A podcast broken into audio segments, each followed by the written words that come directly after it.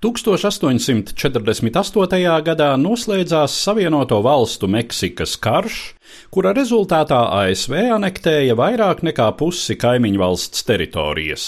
Tajā pašā gadā Kalifornijā, kura līdz tam bija piederējusi Meksikai, tika atklātas zelta iegulas, un tūkstošiem zeltraču, tirgotāju un citu uzņēmīgu ļaužu devās uz rietumiem, desmitgades laikā palielinot Eiropiešu izcelsmes iedzīvotāju skaitu Kalifornijā no dažiem desmitiem tūkstošu līdz turpat 400 tūkstošiem. Amerikas rietumkrastā veidojās strauji augoša civilizācijas zona, kam cita starpā bija nepieciešama operatīva saziņa ar valsts centru austrumkrastā. Pieprasījumu apmierināt uzņēmās Viljama Rasela, Aleksandra Meidžorsa un Viljama Veddela kompānija, kura līdz tam bija sekmīgi darbojusies kravu pārvadājumu, finanšu un dažās citās jomās. Tappa kurjerpasts Poniju ekspresis, kura jātne starpnieki spēja nogādāt sūtījumus no St. Josefas, Misūrī štatā, līdz Sakramento, Kalifornijā, vairāk nekā 3000 km veicot desmit dienās.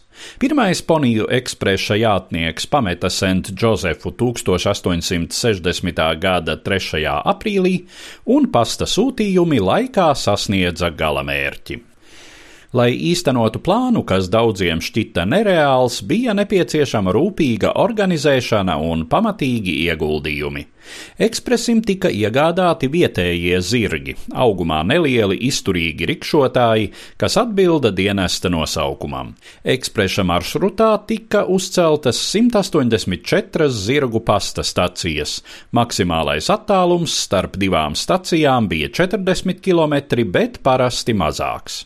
Katrā stacijā jātnieks mainīja zirgu, savukārt jātnieki veica bez apstāšanās 120 līdz 160 km, pēc tam nododami savu pasta somu nākamajam kolēģim.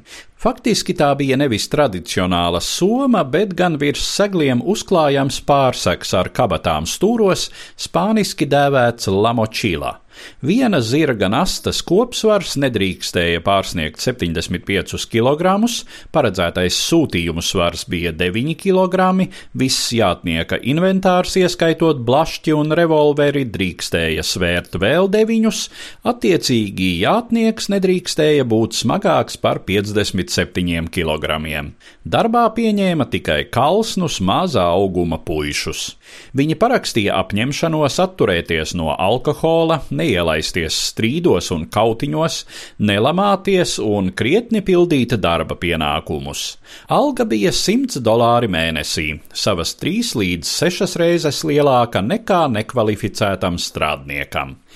Ponija ekspresa kurjeru darbs bija nevien grūts, bet arī bīstams. Maršruts šķērsoja mazapdzīvotas kalnu un tuksnešu teritorijas, arī indiāņu zemes, kur bāļģīmie palaikam nebija gaidīti. Mēnesi pēc ekspresa darbības sākuma uzliesmoja konflikts starp pajūtu cilts indiāņiem un viņu zemēs lielā skaitā ieceļojušajiem sudraba ieguvējiem.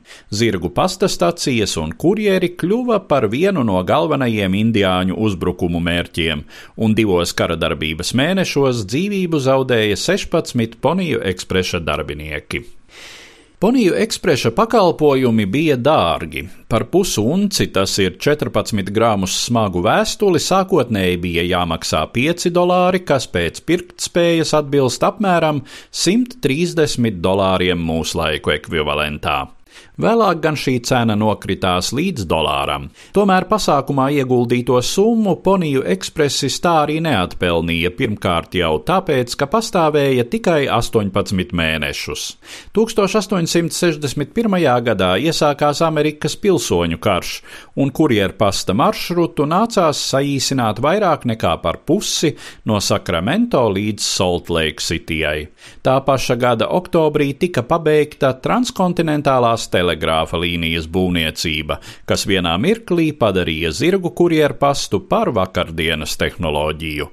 Tomēr Poniju ekspresis atstājis spilgtas pēdas vēsturiskajā apziņā, kā amerikāņu nācijas gara paraugs, ar uzņēmīgumu un organizētību stājoties pretī dabas apstākļu, laika un telpas izaicinājumiem, stāstīja Eduards Liniņš.